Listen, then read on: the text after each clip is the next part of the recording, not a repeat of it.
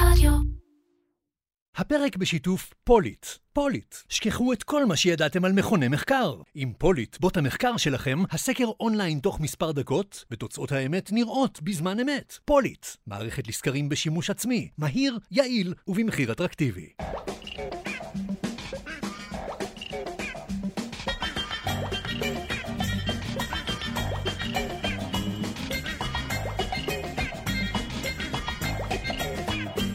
אירקצ'ר, פודקאסט על פרסום, שיווק ובעיקר קריאייטיב, עם מירן פחמן.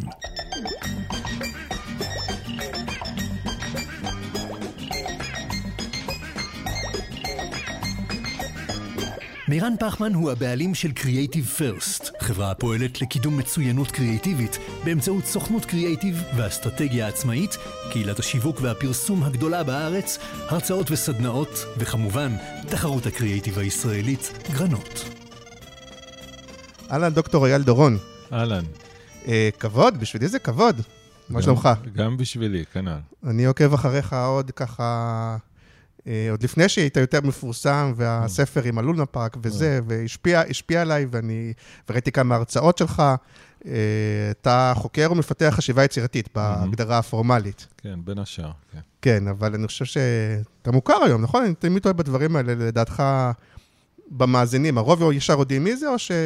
אה, יש כאלה שיודעים ישר, יש כאלה שרואים את הפרצוף ואז זה כן. מתחבר להם, יש כאלה שעוד, אתה יודע, זה כזה... כן. מי? שלא... א', אני חושב שהרבה פשוט ראו הרצאה שלך באיזשהו מקום, נכון? או סטט- בטלוויזיה אולי קצת, סט- אבל... סטטיסטית, כן, כן. כן, כן. זה באמת אה, הרצאות מאוד מעניינות. אה, ושמעתי אותך מדבר הרבה על יצירתיות. לא ממש אף פעם שמעתי אותך מדבר דווקא ממש על העולם שלנו, על עולם. הפרסום, השיווק, התוכן. אה, שלכאורה הוא, הוא, הוא לב היצירתיות. יצירתיות היא, היא המוצר שאנחנו כביכול מוכרים. אה, ו- ואמרתי, יהיה מעניין לראות את האינפוט שלך בנושא הזה, ככל שיש לך. אה, אז אנחנו נדבר אה, הרבה על העניין הזה. אה, אני אגיד שהחסות שלנו הסתיימה, אז יש פה הזדמנות למי שרוצה או רוצה להגיע לכאלפיים מאזינים מדי שבוע מאנשי העולם, הפרסום, התוכן, הדיגיטל, היח"צ וכדומה, אז uh, תדברו איתי, אתם uh, כמאזינים uh, מכירים את האימפקט של זה, נגיד תודה רבה לאדיו שמשווקים את ספוטיפיי בישראל, וקצר הפעם אין חסות, אנחנו נו- נגיע ישר ל- לשיחה, ואני אני אומר גם, זו שיחה שאני מקווה שאתה תוביל, כי ככה אה, נראה איך נעשה את הריקוד הזה. אז, אז תגיד, קודם כל, א', אני רואה הרבה שכן יש לך קשר לעולם שלנו, כי אתה מרצה אה, באמת בנושא הזה של פרסום ושיווק, אז איך, איך החיבור שלך לעולם, לעולם הזה באמת? אה, העולם הזה, אתה תמיד אומר, כן. העולם הזה, כן? זה, כמו, אתה יודע, כל אחד קורא כן, לעצמו, כן. אני, התעשייה. אתה מכיר את זה? כל אחד. הוא התעשייה, אנחנו נורא בתחת של עצמנו. כן. תראה, אני מתעסק ב... כמוך וכמו הרבה אנשים אחרים בחשיבה, בניסיון לחשוב יצירתי. אמ, אז כל אחד יש לו את המישן שלו, את האובססיה שלו, כן. את, מה שהוא לא יכול, you can do without, אוקיי? כן.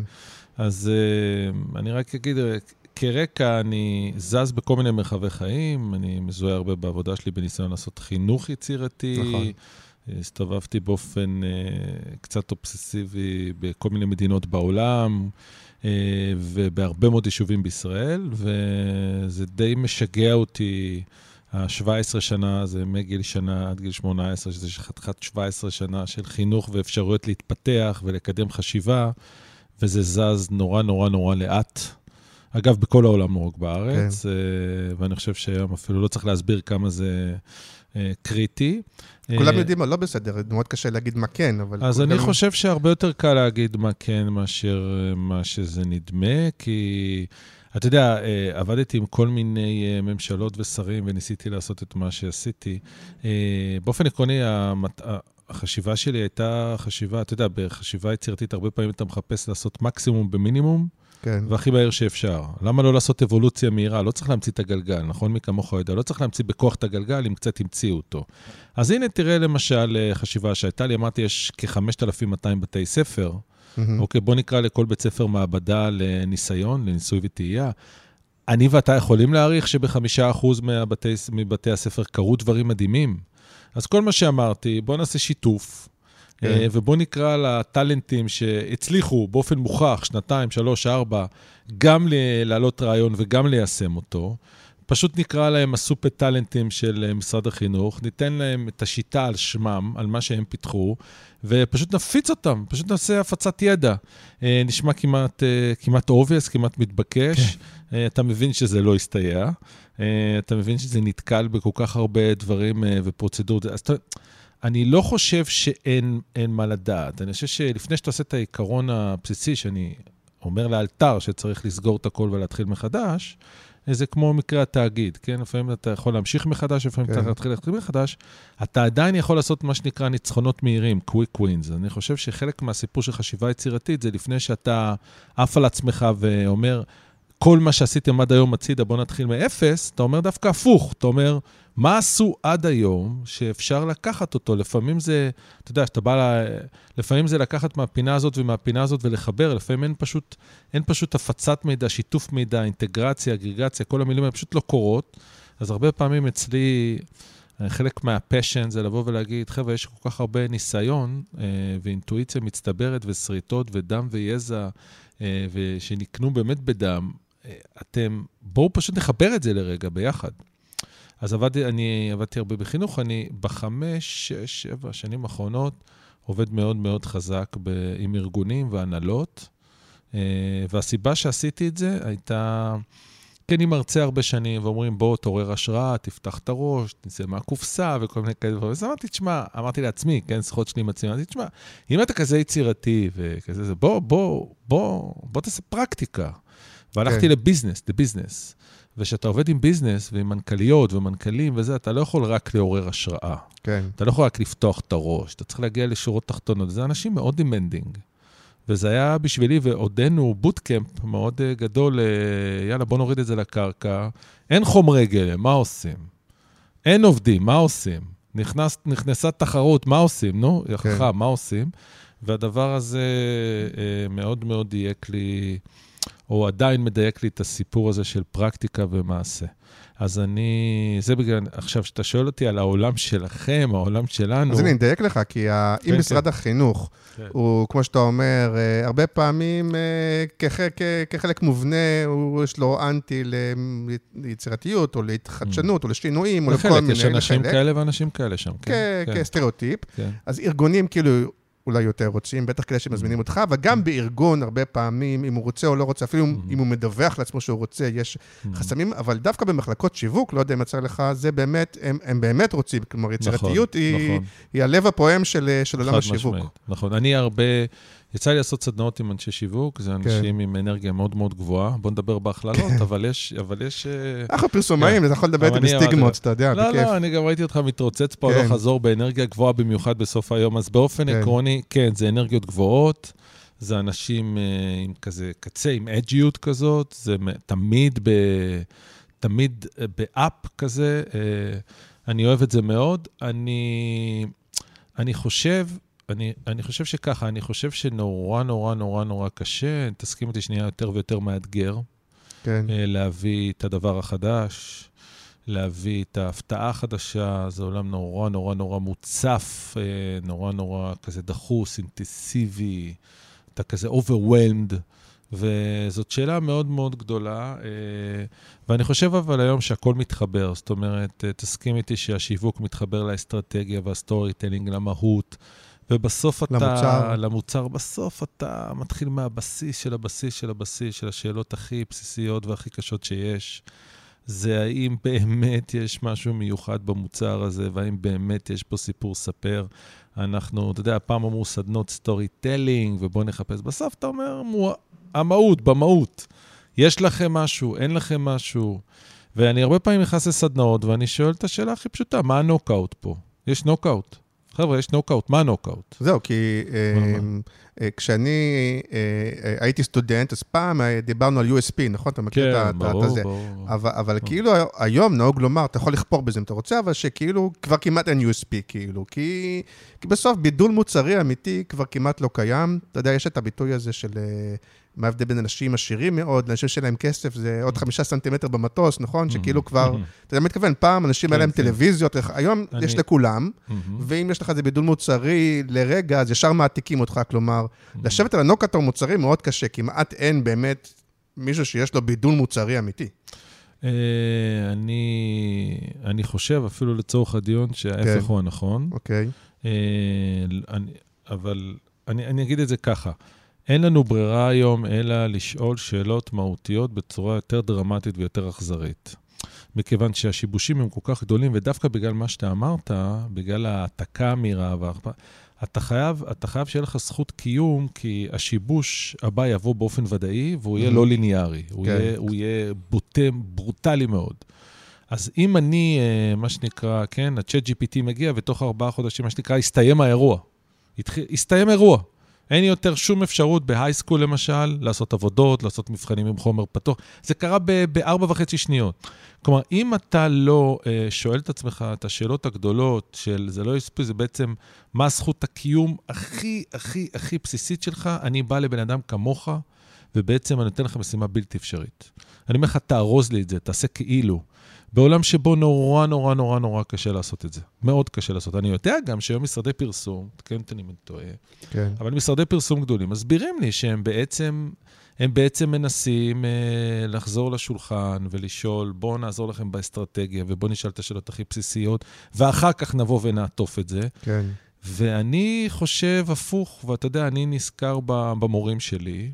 כן. אה, המורים שלי זה אנשים שאני מחליט שהם המורים שלי, הם לא יודעים על זה, אני לומד אהם. אותם באובססיביות. ובואו נדבר על מורה שכולנו מכירים, על ריד הייסטינגס מנטפליקס, אה, ומה הוא הרי אמר? הוא אמר, היינו חברה של 50 מיליון דולר מול חברה של בלוקבאסטר 50 מיליארד דולר, והבאנו שורה של נוקאוטים, ואני חושב שהוא באמת שיעור טוב. כלומר, אוקיי, אז בהתחלה אני מתחיל מהמוכר. בהתחלה אנחנו נשלח לכם DVD הביתה ל-mailbox, לא תצטרכו לבוא לחנות של הבלוקבאסטר. אבל אחר כך אני נותן לכם את זה ב-19.90 ולא תקבלו קנסות. ואחר כך שבלוקבאסטר ניסו, אה, גם אצלנו אין קנסות, אבל הם היו כל כך גדולים וכבר זה 200 מיליון דולר בשנה של קנסות שהם התבססו עליהם, אז הם חזרו בהם. ואחר כך הוא אמר, אני לא עוצר פה, אני הולך ל-streaming, אז אני אהיה ראשון ב-streaming. ואז הוא אמר, אני גם לא עוצר שם, אני עושה עוד נוקאוט, אני אתן את הכל, אני, אני אעשה חברת הפקה. ואחר כך הוא אמר, לא רק שאני אפיק, אני גם אתן בלילה אחד ב-binge. ואז אחר כך אני הראשון שיעשה לא dubbing, אני אעשה international, ואני אקנה ב-17 מיליארד דולר אה, מכל העולם, ואני, ופתאום קוריאנית זה טבעי לשמוע, ועברית זה טבעי לשמוע, ואני אהיה חברה בינלאומית שעוזרת לשפות, לשמוע שפות אחרות. כלומר, אתה רואה בן אדם שלקח את כל הקלישאות שגדלנו עליהן, כמו נאום המעלית, ואומר, חבר'ה, אתם חייבים להביא נוקאוט שהוא לא בניואנסים, שהוא נוקאוט כל כך מטלטל, שכל פעם מחדש אתם ממציאים משהו שייקח להרבה מאוד אנשים להגיע אליו. אני חושב שדווקא יש חזרה לדבר הזה מאוד מאוד מאוד. אני חושב שבגלל שאנחנו חיים בעולם של The Winner Takes It All, אז אתה בולע את מי שהוא בניואנסים, ובגלל דווקא שמאוד מאוד קשה להבחין בניואנסים, אתה חייב כאילו לבוא עם איזה, עם איזה נוקאוט. עכשיו, הנוקאוט יכול להיות טכנולוגי, הוא יכול להיות של אנשים, הוא יכול להיות של איזה אריזה, ואני חושב שדווקא לכם בפרסום ובשיווק יש היום עזרה, ואני רואה את זה מהשטח, עזרה עצומה בשאלות שאתם שואלים. את החברות ואת הארגונים, כי אתם אנשים שאי אפשר לעבוד עליכם בקלות, אז אתם כל הזמן מקלפים ומגרדים אותם, אה, ולשאול אותם, תביא לי עוד חומר, ואני רואה את זה פעם אחרי פעם, תביא לי עוד בשר, תגיד לי באמת מה מיוחד אצלך. ופה אתם, אתם כולם ראו את הסיימון סינק, אתה יודע, כן. מפורסם, וכולם יודעים להגיד אה, את ה-Y ולא את לא, ה... זה, לא, כן, כן, אבל, אבל אני, חושב שאת, אני, חושב שאתם, אני חושב שאתם צודקים, אני חושב שאתם שואלים שאלות אמיתיות, זה לא רק וואי, זה בכלל, אתם, אתם, ש- אתם, אתם רוצים, אתה יודע, הייתי בדיון עכשיו לא מזמן, באיזו חברה שאני עוזר לה, והיו שם אנשי שיווק ואנשי פרסום, שואלים שאלות מאוד מאוד מאוד demanding, כי הם יודעים שאחר כך יבואו אליהם בטענות ויגידו שזה לא יעשה מספיק אימפקט.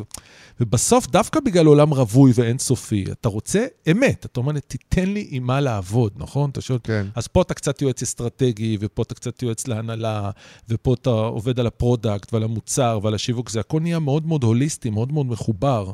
ואני חושב שזה מאוד מאוד מאתגר. אני חושב שאם פעם אמרו שהפרסום ייעלם והשיווק אני חושב שזה בדיוק הפוך. אני חושב שלא לא רק שהתלות בכם הולכת ועולה, אלא זה שאתם all around player על השולחן של ההנהלה, אתם all around player על האסטרטגיה של הדירקטוריון.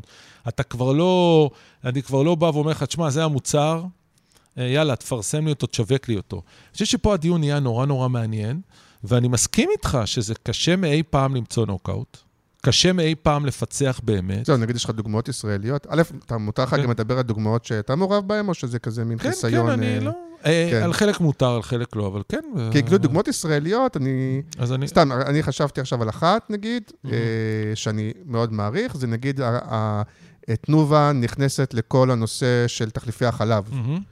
תחליפי חלב אפשר גם לקרוא לסויה, או שתחליפי חלב זה רק של ה... לא, לא, זה בסדר. כן, זה נכון? כן, אז זה disruption אמיתי ואומץ, mm-hmm. ולהגיד, אנחנו חברת החלב הלאומית, פתאום אנחנו... Mm-hmm. אז נגיד, זה כזה מין אה, יצירתיות עסקית אה, כן, נוקאוטית אתה... כזאת, נכון? נכון, אתה אבל פה... אבל אין הרבה זה... כאלה. לא, אז קודם כל יש הרבה, אתה פותח משפך. קודם כל יש הבנה, מה שאתה מדבר עכשיו זה לפתוח את המשפך העסקי שלי.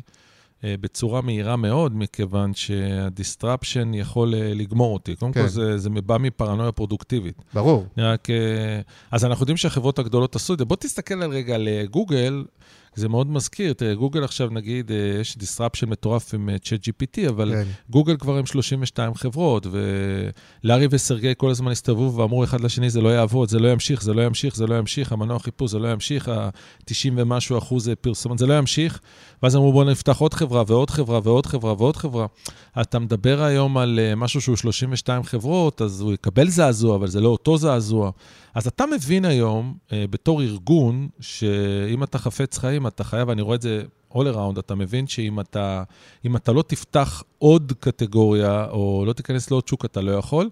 אני אתן לך דוגמה, נגיד, מעניינת, שבחברה שאני מלווה אותה היום, מגדלי הים התיכון. מגדלי הים התיכון זה חברה של דיור מוגן, גיל שלישי. ככה אני אספר לך, עשיתי די בזמנו אסטרטגיה, רק קודם תספר אתה. אוקיי, אז... אז אז הנה דוגמה מעניינת לחברה שהיא מובילה בשוק שלה, שמונה בניינים, עוד מעט בניין תשיעי, הכל טוב ויפה, והיא קוראת לעצמה, כמו שאר הסקטור, דיור מוגן. כן. ואז אתה מבין שאם אתה תמשיך לקרוא לעצמך דיור מוגן, אתה בעצם לא מייצר שום דיפרנציאציה. אתה אמרת, אין שום הבדל. למה? כי בעצם הנחת היסוד שלך זה שיש לך קליינט מבוגר, שאתה צריך להגן עליו. אוקיי, עכשיו אני שואל אותך. ולהעסיק אותו גם. ולהעסיק אותו ולהשתכשך, בבר... לתת לו להשתכשך בבריכה, וכאילו כן. לתלות את הציור שלו בגלריה, וכאילו לשבת בקפה הכאילו אמיתי בתוך הלובי המוגן. כן. ובעצם, אתה בא ואתה אומר, קורה פה משהו מטורלל לחלוטין, כי זה מה, שאמר, זה מה ש... שהגעתי לשם. אמרתי, רק שנייה אחת, איך יכול להיות שבאלף השלישי, שלהיות בן 80 זה לא כמו להיות בן 80 ב-1970 או 1950. כל מה שאתה יכול זה רק להגן על מישהו. זאת אומרת, הנחת היסוד שלך היא מה, שהוא סיים את החיים שלו פחות או יותר. הרי אתה יודע שבן אדם, אם הוא לא מתפקד עצמאית, הוא בכלל לא נכנס לדיור נכון. מוגן. אז זאת אומרת, יש הרבה שנים לפניו. כן. עכשיו, זה גם הצעת ערך מעליבה. בוא נדבר על פרסום, כן? זה הצעת ערך מעליבה. אתה אומר לו, בוא, בוא תמליץ להורים שלך לבוא לדיור מוגן. במילים אחרות, יא ילד חרא, בוא אנחנו נגן על ההורים שלך, אתה לא מגן עליהם. לא בא לי. נכון, זה באמת משווים את זה הרבה פעמים, כמו שכשההורים סחבו אותנו לגן, ואמרנו, כן. לא רוצה, לא רוצה, אז ככה אנחנו לוקחים את ההורים שלנו, והם לא רוצה, לא רוצה, אבל... נכון, כי, כי יש פה פגיעה בכולם. אם אתה, מה זה דיור מוגן? אתה לא יכול, אני, אני בביתי שלי, נכון? והילדים מגינים עליי. אבל, אה, ואז בעצם אתה שואל האם יש לך פה נוקאוט. כן. והנוקאוט, אני חושב, הוא שאתה מציע לאנשים מבוגרים ומתפקדים, בתוחלת חיים עולה וחיונית, אתה מציע להם אה, בעצם משהו אחר. אתה אומר להם, בואו נשקיע בכם. בואו תבואו לא לדיור מוגן, תבואו לדיור מפתח, תבואו לדיור שאתם יכולים לגלות את עצמכם. אה, ואז מתחיל הדיון ואומר, בא האיש פרסום והאיש שיווק, ואומרים, רגע, רגע, רגע, יש לכם דוגמאות, נכון? זאת השאלה כן. הראשונה, יש לכם דוגמאות, או במילים אחרות, יש לכם תכלס, או שאתם מבלבלים את המוח. עכשיו, התכלס הזה, הוא הפך למנגנון אה, מאוד מאוד מאוד חשוב בתפקיד היום של הפרסום והשיווק, כי אתם מאוד אה, חדים ובוטים בדבר הזה. ואני מאוד אוהב את זה, ומצד גם שני... גם אנחנו, רק זה, גם אנחנו, אמרת קודם, זה אה, הישרדותי. גם אצלנו זה ממקום הישרדותי, כי נכון. פתאום העם או הציבור באיזשהו מקום הפסיק לקנות חרטא, כן? פתאום זה- הציבור דרש, אומר, טוב, ת- תעזבו אותי מלקרוא לכן לזה אני- משפחה וזה בית וזה, תגידו לי נכון תכלס מה זה נותן לי. אז גם אנחנו היינו צריכים, נכון מאוד. אני בשביל חו- לשרוד. לכן אני אומר שאני חושב שחייבים למצוא את האיכות ואת האמת. אז למשל, אני אתן לך דוגמה, אה, מבחן הציור, איפה תולים את הציור? כן. אז לא במגדלי ים ידעתי שיש התיכון, גלריה, כן. כן, במגדלי ים התיכון, אה, אם אתה מצייר, אז עד לפני יומיים וחצי, כמו בכל דיור מוגן, היו תולים את זה בקיר הפנימי שם, בלובי, נכון? כן. זה כמו בגן, הזכרת גן? כן. אז אומרים לעד, איזה יופי, איזה יופי, בוא נתלה את הציור ביחד, כן, יונתן. כן, על המקרר. אז פתחו גלריה בבית ציוני אמריקה, מהמם. ופתחו גלריה נודדת בתל אביב. למה? כי אמרתי להם, רבותיי, אם אתם מאמינים שהם עדיין מציירים ואתם לא עושים להם בכאילו, בואו נפתח גלריה, אל תתלה לו את זה בכאילו. כן. ואז uh, לימדו אותם להיות מאמנים עסקיים, אז uh, מאמנים עסקיים של חברות היום, ואם יש ארגונים שיכולים להתייעץ איתם, אז שישלמו להם על זה, משלמים להם. ואם, אה, ואם יש אנשים שהם עורכי דין בפנסיה, אז אה, תנו להם איזה WeWork, אין להם כוח אולי להדפיס, אבל שיעבדו על חקיקה לגיל השלישי בכנסת. זאת אומרת, הם סיימו את החיים או לא סיימו את החיים. ורק אז אתה יכול לבוא לפרסומאי ולהגיד לו, אל תעשה לי אה, פרסומת של מבוגר שמנסה להיות צעיר באופן הכי פתטי והכי שטחי. אל כן. תיתן אותו עם נעלי התעמלות, אה, פורס ידיים עושה לטבע. טיקטוק. עושה טיקטוק, כאילו שכל מה שהוא יכול זה להיות צעיר דרך הפרדיגמה של צעיר. לא, זה פתטי. נכון. אבל השאלה אם הוא יכול לגלות את עצמו במקומות שהוא לא היה מגלה בבית. ופה מתחיל תהליך מאוד מעניין. הייתה לי איזו סדנה עם חברת פרסום שם, ואמרתי להם, אני רוצה שנחשוב ביחד על היתרונות של אדם מבוגר לאדם צעיר. ואמרתי להם, בואו נעשה תרגיל, וגם לי הוא לא קל. והתרגיל הוא מאוד פשוט. נגיד, אה, היתרונות של בן אדם בן 30, לקבל אותו לעבודה, אז אה, תוך דקה ורבע יש לך 40 כאלה. כן. ועכשיו, אם עשית 40, פה תעשה לי 41 יתרונות לקבל בן אדם בן 55-60 לעבודה. כן. ואז ראינו ביחד איך אנחנו נאבקים בהנחות היסוד שלנו עצמנו, וזה תהליך עם uh, סבל בריא, כי... אני פעם הבנתי שאני לא הייתי מקבל את עצמי לעבודה. אוקיי, אז אתה מבין? אז, איש קריאיטיב בן עוד מעט 50, מי רוצה? אז, אז הנה, אז אתה רואה, אז אתה רואה שפה אני חוזר לתחילת שיחתנו. אני חושב שאנחנו היום מדברים על תהליך הפרסום והשיווק כחלק ממעגל ששואל את השאלות הכי עמוקות, הכי מטלטלות, אני קורא לזה שאלה מטלטלת, וכל ארגון מצליח, יש מאחוריו שאלה מטלטלת. ושאלה מטלטלת פה זה האם באמת אדם בגיל השלישי או בגיל הרביעי, או שתרצה לקרוא לזה, אה, יש לו עדיין שנים טובות ומאושרות של גילוי לפניו או לא. אה, כמו שאני חושב שכל ארגון גדול שהצליח, יש לו שאלה מטלטלת אחרת. ואני חושב שפה הפרסום והשיווק, או כל העולם הזה אבל גם פה אולי זה הישרדותי, דווקא כן. מעניין אותי, כי אני כן. גם מאוד מתעניין באסטרטגיה. תכף כן, אני כן. מספר לך אולי כן, מה- כן. מהצד שלי, את לפני כמה שנים איתם, אבל אולי גם פה זה קצת הישרדותי, כי יכול להיות שאם בעבר למה שפעם קראו בית אבות, והיום דיור מוגן, הגיעו אנשים באמת בסוף חייהם, לא סיעודיים, אבל קצת נכון, עייפים נכון. וזה, אז בגלל... אה, שאנחנו חיים יותר זמן ויותר בריאים, אז אנשים אמרו, רגע, אז מה אם אני בן 75? אני עוד לא בגיל של דיור מוגן, ואז הדיור מוגן היה צריך למצוא לעצמו איך הוא מביא את האנשים שהם יותר בריאים ועם יותר אה, כוח ו... ועזוז. אה, חד משמעית, ואז אתה אומר שאתה מתויג בבית. בבית אתה מתויג, גם אם אתה בן אה, 78 ובשיא כוחך, עשה טובה, שמור על הנכדים, אתה את שלך כבר עשית. אז היתרון על הבית יכול להיות שפה, פה, בדיור המוגן החדש, ישקיעו בך, ואף אחד לא יעשה לך פרצוף שאתה לא עוזב הכל ומה שנקרא, את שלך עשית. אבל אני רוצה, זאת הנקודה, אני רוצה להגיד שדווקא אני חושב שאנחנו בעידן שבו כל השחקנים, שיווק, פרסום, אסטרטגיה, יועצ... ייעוץ, דיוק, מיתוג, יח"צ, כל השחקנים, בסוף בסוף זה לא קורה מספיק, אבל צריכים לשאול שאלות מאוד מהותיות, שבגלל שאתה רוצה לנצנץ ולבהוק, ובתוך כל ים ההצפה הזה, ואני אני, אני מוצא שזה נהיה יותר ויותר ויותר קריטי. וקטור שני שמאוד משפיע על זה, זה שאתה דיברת על הישרדות, זה שאין לך ברירה היום לעשות את זה. רואים שאתה מומחה בטלוויזיה, כי אתה יודע לדבר בלי נקודות באמצע, שלא יחטפו לך שאלה.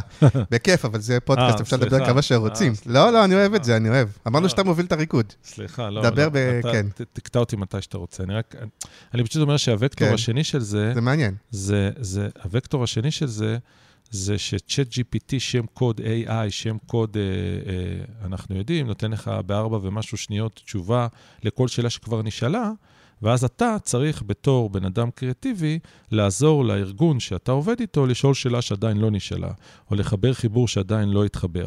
אז פעם היית עושה את זה, כי היו exceptional ones שהיו יצירתיים, והיום, אני חוזר למה שאתה אומר הישרדותי, היום כל אחד צריך לעשות את זה, כי המפלצת הזאת, שיודעת בארבע שניות להגיד כל מה שכבר נאמר, נושפת בעורפך, ואתה מנסה לעזור לאנשים לשרוד, וחלק מהיכולת שלהם לשרוד, היא לשאול את השאלה שלא נשאלה. היא גם לא פוליטלי קורקט, היא גם uh, לא PC, כי עדיין אסור בצ'אט GPT האמריקאי לשאול כן. שאלות על השמדת העולם. ואגב, אני חושב שהפרסום והשיווק ילך הרבה יותר לכיוון החזרה הבוטה, המאולתר, כן? הספונטני. המח... אני אגיד למה, כי אני חושב שיש מצד אחד תהליכי שמרנות וכו', אבל תראה, אתה, אתה צריך לנצח את המכונה, והמכונה היא מאוד חכמה. אה, אה, בוא נגיד את זה ככה, אתה, אתה לא מספיק לך להיות היום סדור, שיטתי, הגיוני, מאורגן וכולי וכולי וכולי, כי זה הכל ה smart machine יודע לעשות. אז אתה מחפש... יותר מזה, אני נכניס סוגריים. כן. היום, אתמול, שלשום, יצאו הרי גם הגרסה החדשה של, ה... אה, mm-hmm. שהיא עושה, היא קפיצה, כמו שאמרת, זה אקספוננציאלי, כן? היא לא כזה. זה, וגם של המיד ג'רני, וזה מטורף, כן? הוא כבר יודע להגיד מה מצחיק, כן? הוא לא רק... זה כאילו, אז... זה, זה הולך ומתקדם לדברים, מה שאנחנו חושבים שלא יגיע אלינו, זה מגיע במהירות.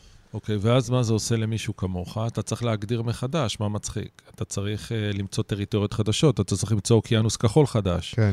ו- ואז אתה, אני חושב, התלות בך, כמייצג תעשייה, נגיד, של פרסום, שיווק, קריאיטיב וזה, הולכת ועולה.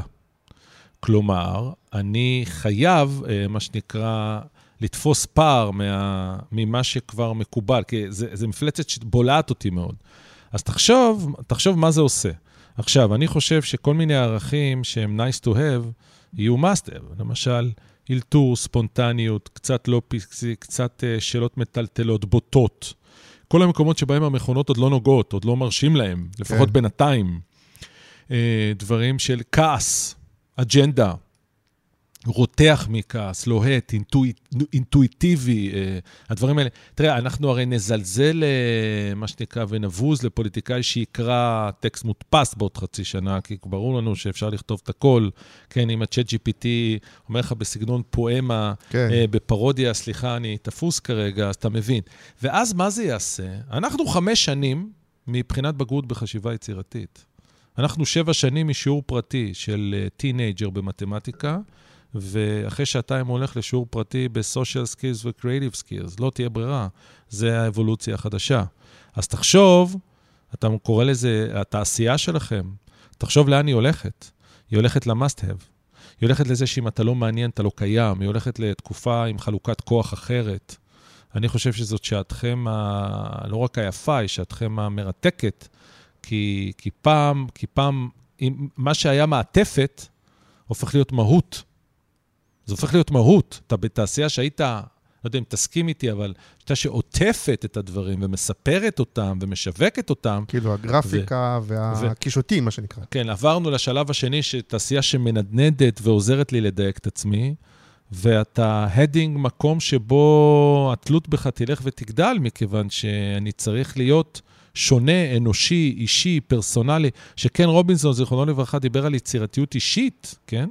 אז אה, הוא... קן רובינסון לא בחיים. מה? לא. טוב, קן רובינסון. פתאום. אה, זה שאמר ש-creativity kill schools? זה שאתה מתכוון? גם, הוא כאילו... כן, כן, לא. כן, אוקיי. כן. סליחה, כן. אז לא, אין בעיה. אז נפטר, אני חושב, שנתיים. אה, בסדר, לא, בסדר. לא, לא, כן, כן. אוקיי. עם הרצאת התד המפורסמת, כן. כן.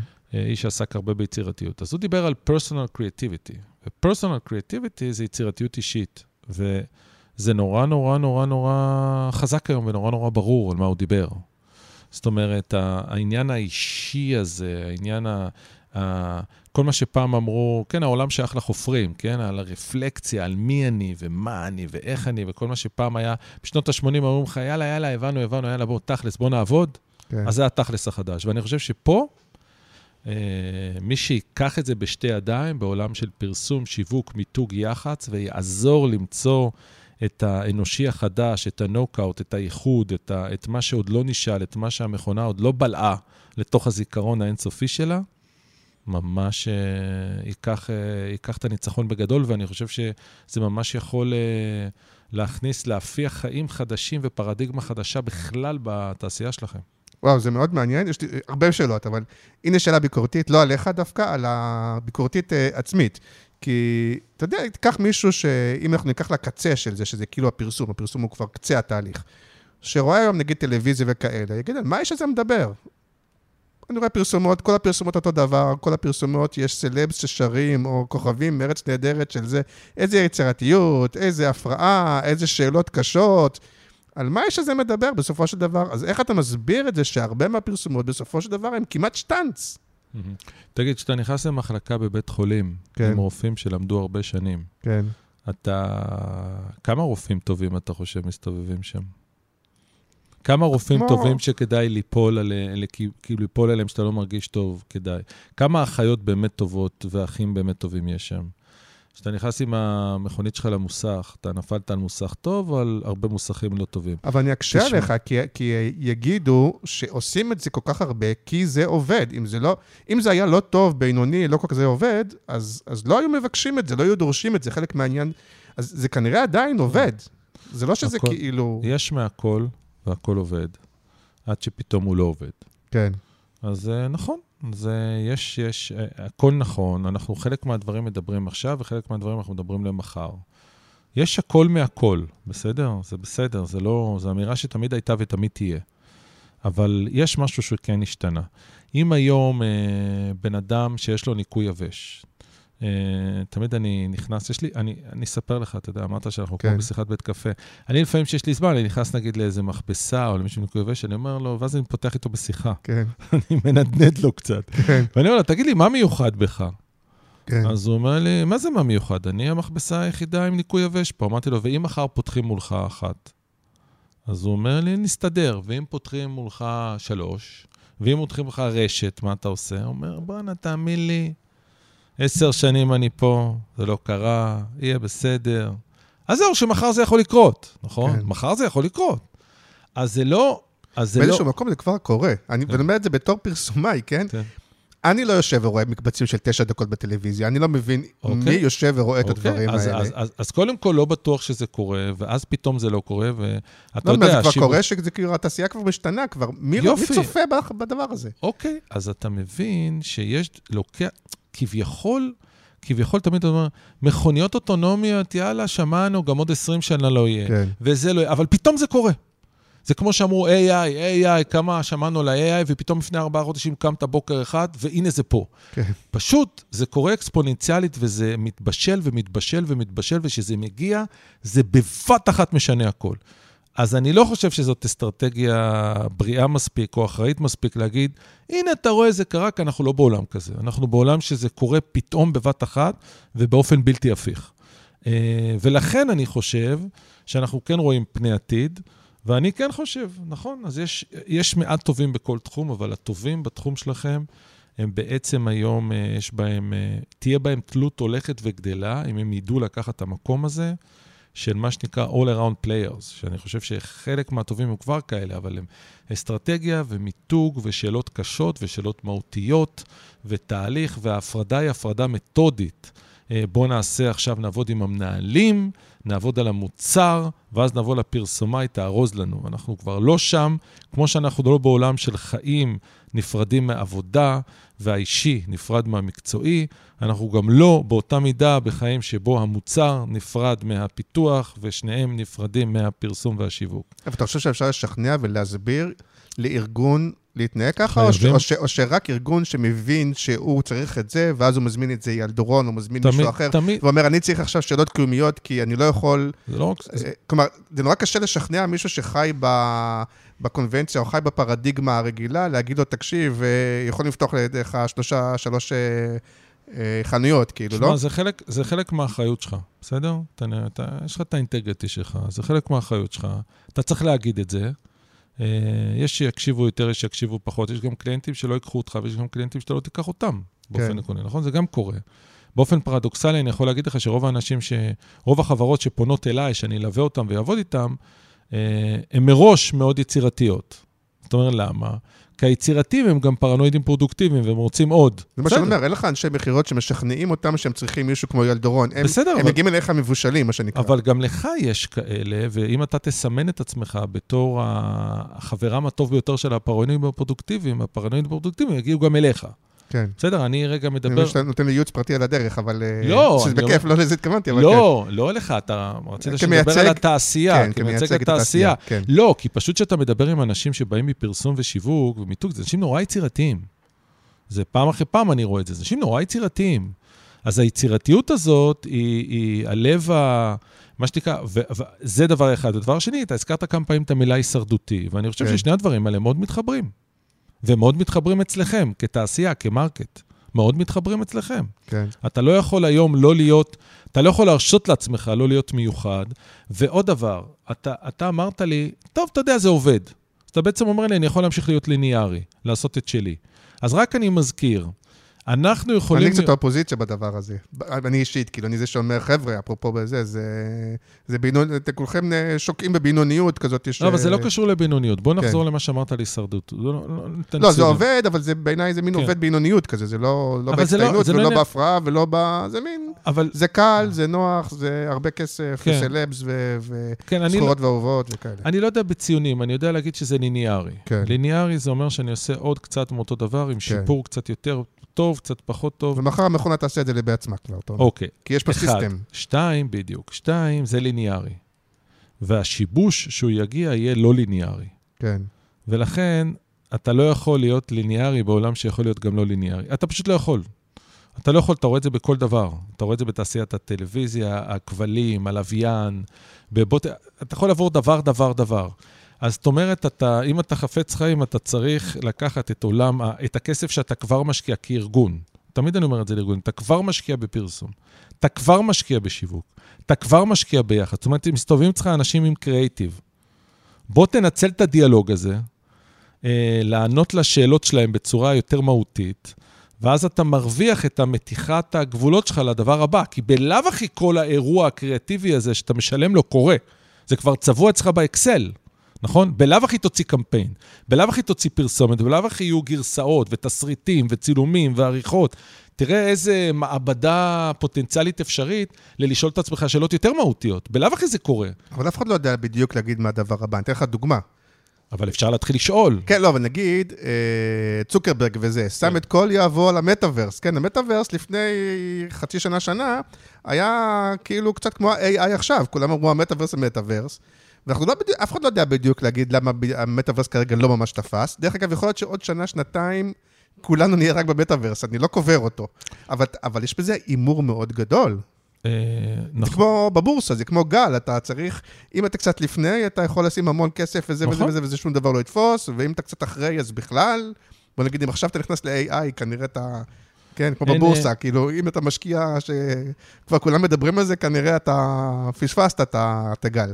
אתה צודק. אה, אתה יודע, אה, תראה, אה, קודם כל הזכרת את זוקרברג. קודם כל מדובר בגאון. כן, אה, ובוא נזכור מה ה mission statement שלהם, נכון? אני, אם אני זוכר נכון, זה bringing the world closer together. אז אה, אה, באמת? חברה, אז- חברה שרוצה להביא את העולם... סטייטמנט של חצי מה... לא, זה. כמו לא, לא. הקלישאה של ההייטק כזה. לא, לא, לא, to make a אה, better לא, הוא world, היה, אה, לא, לא, הוא היה, לא, לא, אני חושב שיש כמה חברות עם, אה, עם mission statement מעניין מאוד.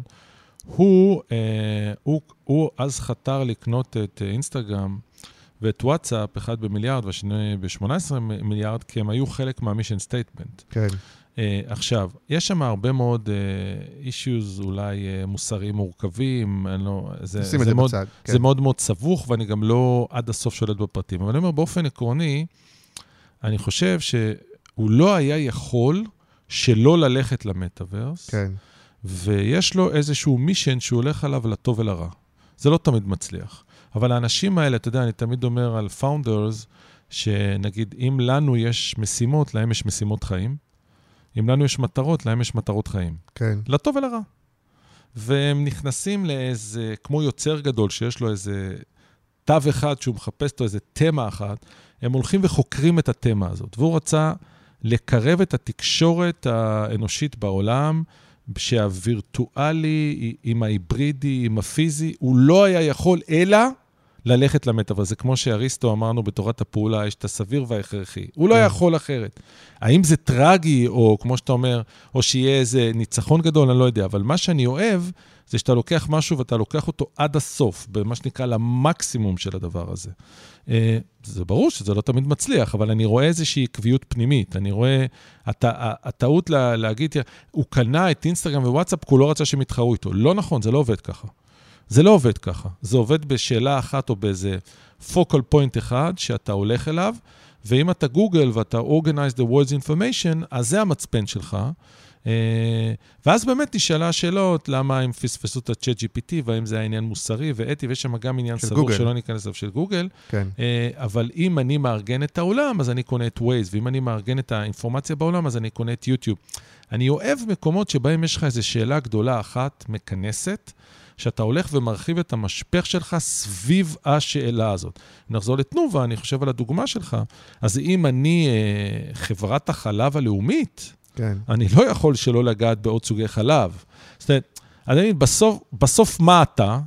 מה השאלה האחת שלך? ואיך אתה, מה שנקרא, מצד אחד פותח את המשפך ומוכן לעוד ועוד קטגוריות לקראת השיבוש הלא ליניארי הבא, ומצד שני, כל הפתיחת משפך הזאת עומדת על עמוד איתן אחד ששואל כל הזמן את אותה שאלה. ופה אני חוזר, כי אמרת לי לדבר על המרקט שלכם, אני חוזר אל הפרסום והשיווק. כן. תראה איזה כוח יש לכם. אה, מצד אחד, לשאול את השאלות החופרות, החודרניות והמטרידות על מה הדבר האחד שלכם, לא באיזה מין nice to, בשביל שהוא יחזיק, ומצד שני, לבוא עם הקריאיטיב שלכם ולנסות לפתוח את המשפך. זה שזה לא קורה תמיד, זה שהם מתפשרים, זה שיש לחצים, בסדר, זה קורה בכל מקום. זאת אומרת, זה לא... אני לא חושב שזה טיעון לבוא ולהגיד, שמע, ראיתי הרבה פרסומות בינוניות, ראיתי הרבה רופאים לא משהו, ראיתי הרבה מרצים לא משהו. זה, בסדר, אז מה? זה לא... זה לא אומר, אתה יודע, הזכרתי את אריסטו, אריסטו, יש משפט יפה, אומר, הוא כתב את הפואטיקה על הטרגדיות הכי יפות, אז הוא אמר, גם אם יש רק טרגדיה אחת כזאת בעולם, זה מספיק כדי לכתוב את ה manual של הטרגדיה האידיאלית. אז שמע, אז אריסטו זה בן אדם שלו... הפואטיקה זה ספר שנמצא לכל קופירייטר במדף, ואף קופירייטר לא פתח אותו מעולם. אה, אז כדאי... אה, באמת? ברור. אוקיי, זה כאילו מין, אה, יש לי את הפואטיקה על המדף, כאילו, קניתי פעם את ה... אז דווקא כדאי מאוד, וזה דבר מתחיל, זה דבר מדהים. אתה יודע, בפואטיקה, אנחנו מדברים על אלפיים וכמה שנים, אז... אתה יודע, זה מדהים שהוא כותב, יש לו שם פרק שהוא כותב, לכל סיפור יש התחלה, אמצע וסוף. התחלה כן. הוא מה שמתחיל את הכל, אמצע זה מה שבא בין ההתחלה לסוף, וסוף הוא מה שמסיים. ואז אתה אומר, מה הוא כותב? אז הוא אומר, לא, זה פעם ראשונה שזה הוגדר בעולם. אתה פשוט קורא את העמוד שפעם ראשונה מישהו הגדיר מהי התחלה, מהו אמצע ומהו סוף. זה דבר מדהים, לקרוא את הראשוניות הזאת. כן, תמיד אמרו על הפילוסופים היוונים שהם הראשונים שאמרו, זאת אבן, זה חול, זה מים. תחשוב על האירוע כן. הזה, שפעם ראשונה אתה נותן לדברים שמות. סיפור של המצאת האפס, אבל כן. ה... אה, דווקא, א', כן מעניין אותי גם יצירתיות עסקית, זה בסדר. אה, ואפרופו, אה, זה הרבה יותר קל, נראה לי, שוב, אולי גם תכפור בזה, לסטארט-אפים או לארגונים חדשים היום באמת להתחיל בשאלות המטלטלות ולחשוב וזה וזה. אפשר, או איך עושים את זה בחברות שהן יותר מבוססות, אני לא יודע, מגדל כאלה, חברות, אתה יודע, הן גם יכולות, כאילו, לדעתך, כן. לשאול את השאלות האלה? ה... תמיד, תמיד דנים איתך, כשמדברים איתך מייסדים, אומרים, יש, אתה מכיר את זה, 0 עד 1 או 1 to many. Mm-hmm. אז אתה, אתה בעצם אומר מ-0 עד 1, מכלום ל-1 שהגענו, להרבה שהגענו, זה היה הכי קל. Uh, זה קשה, אבל יש לך. ועיקר הבעיה זה one to many. אחרי שכבר יש לך את האחד, יש לך כבר את העסק שלך, איך אני ממשיך לפתוח אותו עכשיו באותה רמה של התלהבות, ונכון, זה כמו, נגיד, uh, בהתחלת הדיאטה, או כן. תמיד יש לך הישגים ראשונים, אבל מה עכשיו? מה אחר כך, נכון? כן. Uh, אז, uh, אז זאת שאלה נכונה. אני חושב ש... אני חושב שאתה לא צריך יותר היום להסביר לאף אחד בשוק למה אין לך ברירה אלא לעשות את זה. זאת אומרת, אני... בוא נגיד, אם פעם היה איזה צורך אה, לחנך את השוק, אתה רואה מצב הפוך היום. אתה רואה מצב של אה, לחץ מאוד גדול והבנה שהעסק... תשמע, אנשים מבינים שמשהו מאוד גדול קורה. אה, יש לך דבר מאוד גדול שקורה בפוליטי-חברתי במדינת ישראל ובעולם, ויש לך דבר מאוד גדול שקורה בטכנולוגי-תעסוקתי. ואנשים מבינים את זה, אנשים מבינים את זה. אתה יודע, אני עושה הרבה הרצאות, כמו שאמרת, ואתה יודע, אני בא לאיזו הרצאה כזאת, אה, כאילו יענו קהל מגוון כזה, לא בדיוק כאילו מעניין אותו, לפני 4-5 שנים הוא בכלל לא היה מקשיב, היית צריך להילחם על ההקשבה שלהם. לא, אתה יודע לתפוס קשב, יש לא. משהו שאתה יודע. לא, בסדר, אבל עבודה יותר קלה. כן. למה יותר קלה? כי לזה אני מתכוון. כי יש אומרים- צורך. כי עכשיו אומרים, ועכשיו אייל דורון ידבר על איך נמציא את עצמנו מחדש. עכשיו, אתה מבין שאחרי חמש דקות, אחרון האנשים, כולל המנקה, האיש הסאונד וזה, איכשהו, והצלם, איכשהו מגיעים, והם רוצים להקשיב לאירוע. זאת אומרת, פתאום במאסלו זה יותר רלוונטי, זה לא ב-nice to have, כן, פתאום כן. במאסלו זה כבר, כן, אולי כן. זה הגג שלי, כאילו. כן, אז עם כל הכבוד לי, יש פה משהו יותר גדול ממני. כאילו, כן. אתה מבין? בואנה, בואנה, יש פה, משהו קורה, מגיע גל, אני לא יודע מה גובהו, אני לא יודע איך קוראים לו, אני לא בדיוק שולט בפרטים ובוורסיות שיצאו עכשיו, מאיפה הם יצאו, אני מבין שמשהו מאוד גדול קורה. אני מבין את זה, אני מרגיש את זה בבטן, זה משהו אבולוציוני, האדמה זזה. וזה דבר מדהים, כי זה קרה במעט מאוד זמן, וזה בדיוק ה... כל מה שסיפרו לנו על אקספוננציאליות, וסיפרו לנו ואמרנו אחד לשני ולא עד הסוף הבנו, ועכשיו שזה פתאום... גם לפני שנתיים, כן, זה לא כן. לפני 20 שנה. כן, היינו מנהלים לפני שנתיים שיחה על קפה, והיינו אומרים, אתה יודע שאם השיבוש יבוא, יהיה אקספוננציאלי, וזה דיברנו על Airbnb. נגיד, כן, בשוק כן. המלונאות, ואמרנו, כן, אוקיי, נכון, מה נכון. ה-Airbnb של התעשייה שלך, כזה, נכון? נכון, נכון, נכון, כן, כל מיני... נכון. אגב, אגב, דבר מדהים, דבר מדהים, אתה הזכרת Airbnb. תשמע, זו דוגמה שאני בזמן האחרון חוזר אליה. איך אמרת בהתחלה, מי יודע מה יהיה והחוכמת הבדיעבד? מי היה יכול לדמיין שאני אבוא לאמסטרדם, וזוג עם שלושה ילדים ישאיר לי מפתח בתיבה, ישאיר את הבית כפי שהוא, כולל הכל, כולל החוברות פורנו שלהם, והדברים הכי אישיים, והתחתונים, וה... ואני, בתור זר מוחלט, אתארח שם חמישה ימים, והכל ייגמר בשלום, בין זרים ש... מושל... שלמים. מי היה יכול לחשוב שהדבר הזה יעבוד בכזה scale? בעולם שבו הזר הוא עוין, והזר הוא אויב, והזר הוא הגיהנום, והזולת הוא מסוכן. אתה יודע, זה, זה, זה מדהים, זה כל הזמן מדברים על... אתה, אתה בצדק שואל את זה, כי, כי כשמשהו כזה קורה, אתה אומר, איך לא חשבנו על זה קודם, אבל זה היה בלתי נתפס. אני זוכר שעליתי פעם ראשונה בניו יורק בחצות לנהג מונית שאינו נהג מונית במהלך היום, והוא הסביר לי שזה אובר, ואמרתי, מה אני עושה פה, ואיך אני אחזור בשלום, ומה קורה, ומי חשב על הדבר הזה, שנהג מונית שאינו נהג מונית יכול להיות נהג מונית, ואני קורא לזה אובר. אז אני חושב שיש היום הבנה, שהקצב של ההמצאות הזה- האלה והשליפות האלה כנגד המציאות המטורללת צריך להיות הרבה יותר גדול. אני חושב שזו הבנה... הנה, אפרופו אובר, יכול להיות שיש עסקים בארץ שאומרים לעצמם, אנחנו מוגנים מזה, יש רגולציה, יש אין סוג של דבר. מונופול, דואפול, השוק קטן, זה לא, ממש, אנחנו לא ממש, ממש מעניינים, לא. אנחנו מחלקים את השוק. אף אחד לא, או שהרגולציה תשמור עלינו, או שזה, אנחנו אני- בסדר. אני, אני ממש לא, ואתה יודע, אני רוצה לנצל את ההזדמנות שאני מדבר איתך, כי אתה בא מאוד מפרסום ומקרייטיב. ואני רוצה לדבר איתך על משהו שהרבה שנים אה, ליווה אותי, ואולי מהמם. תסביר לי אותו. כן, אני הייתי אה, עם יס והוט, אני מדבר. כן. פעם, פעם יס והוט שלטו בשוק וכאלה. כן. ואני רוצה שתסביר לי רגע את הדבר הזה, כי זה מאוד קשור לפרסום. נגיד יש הוט ויס, והם, כל אחת מהם השקיעה מאות אלפי דולרים בפרסום חוצות מטורף על פאודה אצלנו, וזה אצלנו, ומחוברים אצלנו.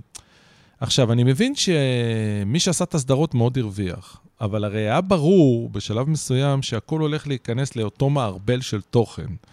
ובסוף אתה לא תשרוד, כי אני בסוף לא זוכר מה שודר איפה, והכל נגיש.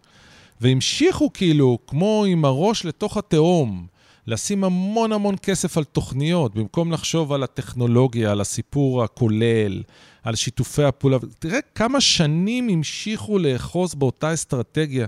ואני זוכר שהייתי נוסע ולא הייתי מאמין. ש... גם היום קצת, כן? גם היום כן, יש... אבל, אה, אבל איך אתה, איך אתה יכול להסביר? הבידול הרבה פעמים בתוכן. כן, אבל, אבל אתה מבין שזה לא מספיק, למשל, הנה דוגמה, אתה מבין שזה לא יחזיק אותך, זה לא מחזיק מים. אתה לא יכול להסתמך על זה, אתה לא יכול להיות, אתה לא יכול אה, לא לשים, אתה לא יכול לא, לא לפתוח את המשפך, למשל, כמו שאמרת לי. אתה לא יכול להגיד, רגע, אם אני, יש לי מובילות בתוכן ואני הבית של הדרמה, אז בא כאן אחד, אה, אה, כאן 11 וגומר אותך פה, ובא שם ומזנב בך פה. אתה, אתה, לא יכול, אתה לא יכול לא להגיב הרבה יותר מהר, זה מוזר נורא, זה מוזר נורא. אז אבל אני... אולי כי אנשים באופן טבעי עושים את הצעדים האלה רק כשהקרקע בוערת להם מתחת לרגליים, ומעט מדי אנשים מוכנים לעשות צעדים כאלה גם באופן האישי, לא רק במובן העסקי, כשהמצב הוא יחסית טוב, או, כאילו, נכון? זה... כן, אבל הקרקע בוערת. הקרקע בוערת. אתה יודע, בעולם הכבלים והלוויין, המציאות הייתה מאוד מנומסת. היא דפקה בדלת והיא אמרה, אני עומדת לחזור עוד כמה שנים בשיבוש מוחלט, הכינו את עצמכם. זאת אומרת, לפעמים השיבוש מגיע, הוא לא מנומס, אבל פה הכל היה מנומס, הכל היה ברור. מה, מנטפליקס? היה, נטפליקס שם קוד, הכל היה ברור. כן. נטפליקס ואין סוף אפשרויות אחרות טכנולוגיות לצרוך טלוויזיה, הילד שלי, אתה יודע, הבן שלי צוחק עליי, על מה אתה מדבר? אין, אין דבר שאי אפשר להשיג היום. זאת אומרת, כל האירוע היה... אז ברור שיש הדחקה ואתה לא רוצה, אני חושב שזה משהו שהוא... אה, שהוא מטורף, אתה יודע... אז הנה שאלה שכן קשורה לפרסום אפרופו, וגם לא מזמן אירחתי את uh, סמנכ"ל השיווק של, uh, של יס, את דרור בת, אפרופו, תקשיב, פרק, כן. אפרופו שאימתתי אותו עם כל מיני שאלות בנושא שלך. איש, אה, איש רציני בפני עצמו. כן. כן, אבל האם יש עדיין משמעות, או שזה גם פרדיגמה ששייכת לעבר, לאיזשהו מטען רגשי? נגיד שפעם היה כאילו...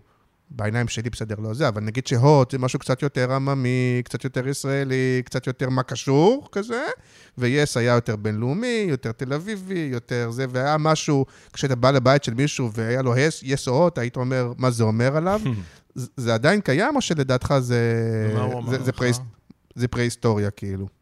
מה הוא ענה? לא, אתה, אתה חושב שזה כאילו, הדברים האלה עדיין רלוונטיים היום, או שזה, שזה חרטא, שזה... אני לא יודע, אני חושב שזה מאוד מאוד... כי אתה לובש נגיד חולצה של גנץ, סתם אני חושב שזה... יש בזה קצת אתה יודע, כולנו, כן? זה אה, ממש, אגב, אה? אגב, אגב, זה ממש לא מספיק נחשב, אבל לא חשוב. לא, לא, כל דבר שזה, אני לא יודע מה המותג של המשקפה, אבל עדיין יש את מה זה אומר עליי, זה לא, זה לא איזה צורך טבעי, אנושי, שתמיד היה ויהיה? קודם כל, תמיד יהיה, אבל אה, אני חושב שזה, לשאלתך הבסיסית, אני חושב שזה ניואנסי. אני חושב שכן, אנשים תמיד רוצים... השאלה מה, השאלה מה גובר על מה ובאיזה מינון. אני פשוט, יש לי הסבר שלם על החולצות. אני לובש תמיד שחור, אתה יודע את זה, נכון? אז יש לי 70 חולצות. גם מרב מיכאלי, עד שראית אתמול שהיא לבשה שמלה אדומה בגלל כן. הזה. כן. דווקא אדום ראיתי שהולם אותה. כן. אז uh, עכשיו, uh, אז זהו, אז, זה טכניקה שלמה. יש לי איזה 70-80 חולצות שחורות קצרות. כן. איזה 30 חולצות זה, ואז באתי לחולצה, לחנות של גנד, וראיתי חולצה שעובדת, אמרתי לה, יפה, אני רוצה 15 כאלה. אז אמר לי, אמר לי, אני, אני שונא לעשות קניות, אני מקבל אה, שכר חורת בקניונים, זה עובד לי, תביא לי 15. הנעליים האלה טובות, תביא לי ארבע, תביא לי ארבע זוגות. זה אומרת לי, למה? אמרתי, כי זה תכף ישתפשף ואני ארצה עוד אחד וזה, אבל בוא, בוא נסגור את האירוע. אני רוצה לסגור את האירוע. עושה קניות עכשיו לארבע שנים. כן, בוא נסגור את האירוע. אם כן. זה עובד וזה כבר עולה עליי, בוא נסגור את זה, ואז כזה עוד חצי שנה שלי במגירה ועוד חצי שנה במגירה, בוא נסגור את האירוע. ואז קראתי בספר של ציסטי מיהיילי, אה, צ'יקסטי מיהיילי, תמיד קשה להגות אותו, של הפסיכולוג ההונגרי הזה מפלואו, אז הוא כתב ספר על קריאטיביטי.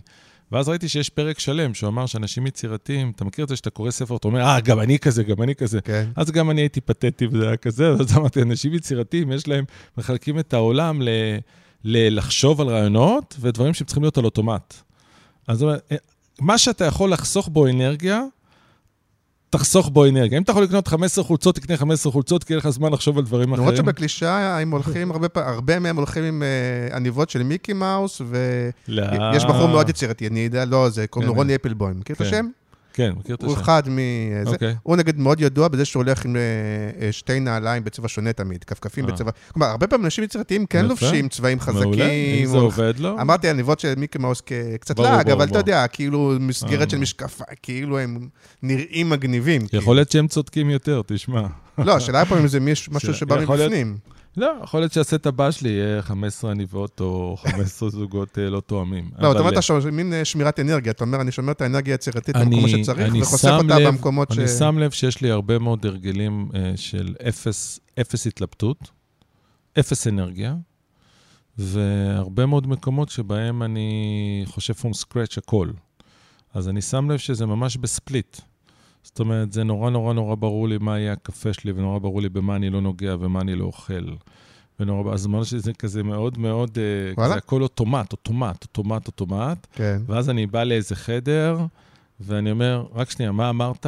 לא הבנתי מה אמרת, תגיד לי עוד פעם, מה זה אומר העובדים שלי שגרירים? ואז אני 40 דקות הופך את הכל. אבל הקפה שמזמינים והחולצה שבאתי איתה זה על אוטומט, זה כאילו כן. מאוד ספליט כזה. ואני שלישי, הדבר הכי ידוע לך, שאתה עובר דירה כל שלוש שנים, או... נכון, אז נכון. כאילו זה כן, נגיד, לשבור שגרה. נכון, אבל זה מה שנקרא, אני קורא לזה רוטינה יצירתית. זה מה כן. שנקרא, אתה באופן עקבי אה, שובר שגרה. אה, זה כבר קשור, אה, זה כבר קשור למשהו אחר. תשמע, לא, פחות מעניין אותי כי כן, זה כן, שלך. אלא מה אפשר להקיש מזה, האם, אם כבר התחלת לדבר, האם כדי להיות יותר יצירתי, בטח בעולם שלנו, האם צריך לשבור שגרה, האם צריך, האם בכלל זה מנוהל? או כי... כן, כן, אני חושב שאנשים כמוני, כלומר, יש אנשים, אתה אומר, בסדר, הם נהיו קופרייטרים, הם כנראה יצירתיים מ- מלידה, מה... זה, זה חלק מהם, בסדר, הם לא צריכים אה, להתאמץ, אבל יש הרבה אנשים שכן צריכים לנהל להם את זה איכשהו, לא? אחד, אני חושב שחשיבה יצירתית, כמו כל דבר אחר, זה דבר נרכש, אתה מתאמן עליו, הוא כמו שפת אם. אה, אני לא דובר שפת אם, אבל אני מנסה להיות דובר בזה. ו... אתה מדבר שפת אם של יצירתיות, אתה מתכוון? לא, מה זה דובר שפת אם של יצירתיות? לא נולדת נגיד- ככה, אתה אומר. לא נולדתי ככה, אף אחד לא נולד ככה, אתה צריך לרכוש את זה. כן. אה, כמו כל דבר אחר, גמישות מחשבתית, איזה כל דבר. אה, באופן עקרוני, אני מאוד חושב שאתה צריך לעבוד בזה, אוקיי? עכשיו, גם אתה, שאתה נגיד קריאטיבי, אז אתה צריך לראות אם זה בכל תחומי החיים שלך, אם זה ביום-יום שלך, אם אתה מביא את זה הביתה, אם אתה מביא את זה לזוגיות, להורות שלך. הרבה מאוד אנשים נורא יצירתיים בין אה, שמונה לשש, אבל הם באים הביתה, נהיים טמבלים, נוקשים מחשבתית. אז זה לא חוכמה בעיניי. אה, צריך להיות משהו יותר הוליסטי. ואני מאוד מאוד מדבר על היצירתיות היומיומית עם אנשים. אני אומר, תשמעו, אתם נורא יצירתיים בב... בעבודה, פותרים בעיות, פתאום אתם נהיים כאילו דמיז בבית. ההוא אמרו לי לא, אמרו לי לא להראות לילדים. היה, קראתי בעיתון שאסור משחקי מחשב. שמעתי ברדיו שאסור זה, אז אני אומר להם, רגע, לא הבנתי. הרגע ניהלת 17 עובדים, הרגע ניהלת אה, חטיבה שלמה, שאלת שאלות מאפס, פתאום את אה, שומעת את אחרונת הזאת שאומרת לך משהו על השמועות, איבדת את האינטואיציה, את התחושות שלך, אבל אולי זה החולצות שלך. השחורות של האנשים. אה, קודם כל, כן, זה החולצות השחורות שלהם. א', אתה צודק, כן. אבל לא על חשבון הילדים. ש- שאם זה החולצות השחורות שהם לובשים, סבבה, אם זה בא על חשבון הילדים, זה בעיה. כן, אתה, אני, אני יודע שהנושא הזה מאוד בוע- בוער, כן, כן. הילדים והחינוך. ו- כן, כן, אבל לא, אה, אפשר להימנע מזה כן. לגמרי, זה לא, בסדר. לא, אפילו החינוך, דרך אגב, אני אגיד לך, כי גם לי הייתה איזו נגיעה קטנה באיזה מכללה שמתיימרת לעשות חדשנות בחינוך וזה וזה, וגם בחינוך, חלק ממה שדיברתי איתם, שהוא הוא כבר לא רק הוראה של בית ספר, הרי היום... זה לא רק שזה לא בית ספר, זה גם לא אקדמיה כמו פעם, נכון. שלמדנו שלוש שנים, סיימנו נכון. אולי תואר שני, ו- וזהו. היום גם החינוך הוא always on, ואתה מתעסק גם בלמידה נכון, ארגונית, נכון. כלומר, גם, גם החינוך הוא לא רק הילדים בבית ספר, אנחנו כולנו... הוא בעיקר לא. למידה, אני יודע איך לקרוא לזה. ובעיקר לא, היום הייתי באיזה איזה קורס שאני מעביר ברייכמן, ובא אליי אה, בחור יחסית צעיר, שהבנתי שהוא אבא צעיר. הוא אמר לי, תשמע, אני יוצא מאוד מוטרד מהיומיים הראשונים האלה, כי אני מבין שהבן שלי לומד בבית ספר שהוא לא צריך להיות בו, זה, כי דיברתי על זה קצת, לא התאפקתי, אז אמרתי לו, אתה יודע שרוב ההשפעה זה הבית, ואחר כך רוב ההשפעה זה בני הגיל, peers, ואחר כך הבית ספר. ובית הספר הוא דומיננטי, אה, רק במקרה קצה לטובה, במקרה קצה לרעה, שלא נדע. כן. ואם יש לכם חצי שעה פנויה, לא להיכנס לוואטסאפ של הכיתה. אם יש לכם חצי שעה פנויה, לשאול את הילד או הילדה מי החבר הכי טוב שלהם, ולהסיע אותם בחצי שעה הזאת לחבר, ולהחזיר אותו מהחבר. זה הניצול הכי טוב של החצי שעה. ואם אפשר, שזה חבר או חברה, מה שנקרא, בקוולטי. כי בסוף בסוף אנחנו תוצאה של אנשים שמקיפים אותנו.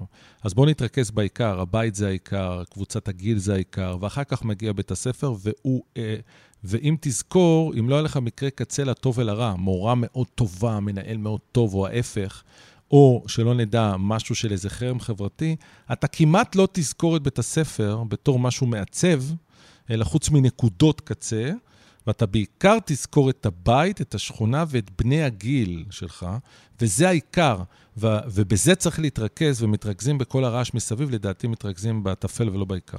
אבל אם אנחנו מחזירים רגע ל... כן. אתה אומר, ואתה מעיד, וגם שומעים, גם עוד פעם מי שקורא, שומע אותך וזה, אז אתה מרבה לצוטט, אה, Mm. ספרים שאתה קורא, הרצאות. זה- זה חלק מאסט, אפרופו הלמידה, זה חלק מאסט מלהיות יותר יצירתי, זה גם לקרוא על זה, לראות הרצאות, ברור, לדבר וזה, או שזה באמת יותר ה- ביום-יום ו- וכאלה. גם וגם וגם. תשמע, אין דרך אחת, אני לא יודע... ש... אני עכשיו גמרתי, יוצא ספר חדש ב... ב... יוצא ספר חדש ממש עכשיו, שנקרא "יש ממי ללמוד". ספר שלך? כן. כן. אז, אה, אז שוב, בהוצאת כתר וזה, אני מאוד אוהב את ההוצאה הזאת, ו... וזה ספר שעברתי איתו מסע, ובעצם זה שמונה שיעורים... כך, אני לא מתפרץ, אבל אחר כך תגיד לי, אפרופו, איזה, למה מי תתפרץ. שמוציא היום, אחרי שאתה רואה את עמית סגל וכל האלה וזה, למה לא להוציא בהוצאת ספרים שמשלמים לך שקל וחצי, כשהיום, אפרופו, ה- כל שמשתנה, שאתה יכול להוציא לבד, לקבל את ה-180 שקל, אני יודע מה כמה, את רוב הכסף, מי, למה צריך בכלל הוצאת ספרים? אה, טוב. סתם, זה בסוגריים, כאילו. לא, לא, בסדר, זו שאלה לגיטימית. תראה, אה, אני... קודם כל, אני מאוד אוהב את הבית הזה בכתר, יש לי שם אה, מולית שאני מאוד אוהב, רוני מודן, אני מאוד אוהב את העורכת שעובדת איתי, איילת שני, אני, אני מרגיש שיש שם דיאלוג שאני, שהוא מאוד מאוד עוזר לי להיות יותר איילת טוב. שני העיתונאית? ה- כן, כן, כן? בארץ, כן. היא- עורכת, בזה? היא עורכת אוקיי. על, ממש. כן. אז לי מאוד טוב הדיאלוג הזה, ומאוד מאוד עוזר לי לש- לשפר ולחדד, וזה עבד מאוד טוב בספר הקודם על אה, הורות וחינוך, וזה הרב מכר והכל. אז אני לא יודע אם זו החלטה, אתה אומר, הכי כלכלית, זו בטח ההחלטה הכי, כן. הרגשתי שהיא הכי, אומנותית היא הכי נכונה. ובעצם מה שעשיתי שם ב... מה ש... ביש יש ממי ללמוד, זה שבחרתי שמונה מורים בלא ידיעתם מהמם. אה, בעולם, אה, וכל אחד מהם נתן לי שיעור, קורס הכי טוב, קורס משנה חיים, שאני החלטתי שאם היה קורס, זה הקורס שהוא היה נותן. לי אה, כבר מכרת, כן. אה, לא, אני רק אומר, ו, ופשוט במשך שלוש שנים אה, למדתי וחייתי לאורם, אה, ושיניתי דברים. זה פשוט מתקשר לכל מה אז שאנחנו תן מדברים. דוגמה אחת, אם כבר זה, אבל יש דוגמה אולי יותר גם אה. רלוונטית. אם. כבר קידמת ואמרת, וזה, לא, תן לא, תן לנו לא, טעימה. לא, לא בגלל ה... לא, לא, אני. בכיף. אני אתן רגע... טעימה שרלוונטית אלינו, כאילו. כן, כן. אז זה המון, זה המון. זה כל דבר, כל דבר, כל אחד מהם עזר לי לעשות דברים אחרת. אז נגיד ריד הופמן מ-LinkedIn, אז הוא מדבר על זה שאתה בעולם צריך לחפש את משלימי הגאונות שלך. שאלו אותו אם הוא גאון, כן? בן אדם כן. הקים את LinkedIn, אה, בן אדם, אפרופו Airbnb ופייסבוק, מהמשקיעים הראשונים, מה- אה, מהמאפיה של פייפל, יחד עם אילון מאסק ופיטר thiel, בן אדם אה, מעורבב במאה חברות, נחשב ה-oracle של הסיליקון ואלי וכולי וכולי. אז זה שאלו אותו... בכלל למייקרוסופט היום, לא? מה? לינקדאין לדעתי שייכים כן. למייקרוסופט היום. לינק- לינקדאין זה סיפור מאוד מאוד יפה, אם אתה רוצה תכף נשים סוגריים, הוא co-founder של זה, זה משהו מדהים. אז באופן עקרוני, ריד הופמן הזה, שאלו אותו אם הוא גאון, הוא אמר, אני לא גאון, אבל יש משלימי גאונות. אז יש שם שני דברים יפים. אחד, שהלכתי וחיפשתי משלימי גאונות. משלימי גאונות זה ביחד איתם, יש לך את הבן אדם האחד או השניים שמשלימים אותך, ואתם מתגלגלים ביחד, ואחד משלים באופן אמיתי את החולשות הכי עמוקות שלך. והדבר השני, שזה הסיפור, זה בני ברית. ואז הוא אומר, אתה צריך להיות עם בני ברית בעולם. מה זה בני ברית? זה אנשים שאתה נותן להם ערך, בלי אינטרס מיידי, ורק בשביל לדעת שאתה לא לבד בעולם. נכון שאתה הולך ברחוב חשוך, סמטה אפלה, החלום שלך, זה שאם תהיה איזה בעיה, אתה שורק ובאים, אוקיי? ואז, לא, מאז יש לי בני ברית. מה זה אומר? Mhm. הכרזתי על זה רשמית. אה, נגיד אם מישהו מהבן... למרות שאני לא יודע הרבה עליך, אבל אני כן יודע שאתה קצת סוליסט. אז הנה, אז אתה רואה, אז הנה, אתה רואה את ה- אתה רואה כן. את אתה רואה את אתה רואה את ה- אתה רואה את התהליך שאני עובר. אוקיי. אז עברתי תהליך, אה, אני עובר, אני מקווה, כן? ו... אבל יש לי אנשים שאני עובד איתם כבר שנים, כן, וזה, כן. אבל לא משנה, כן?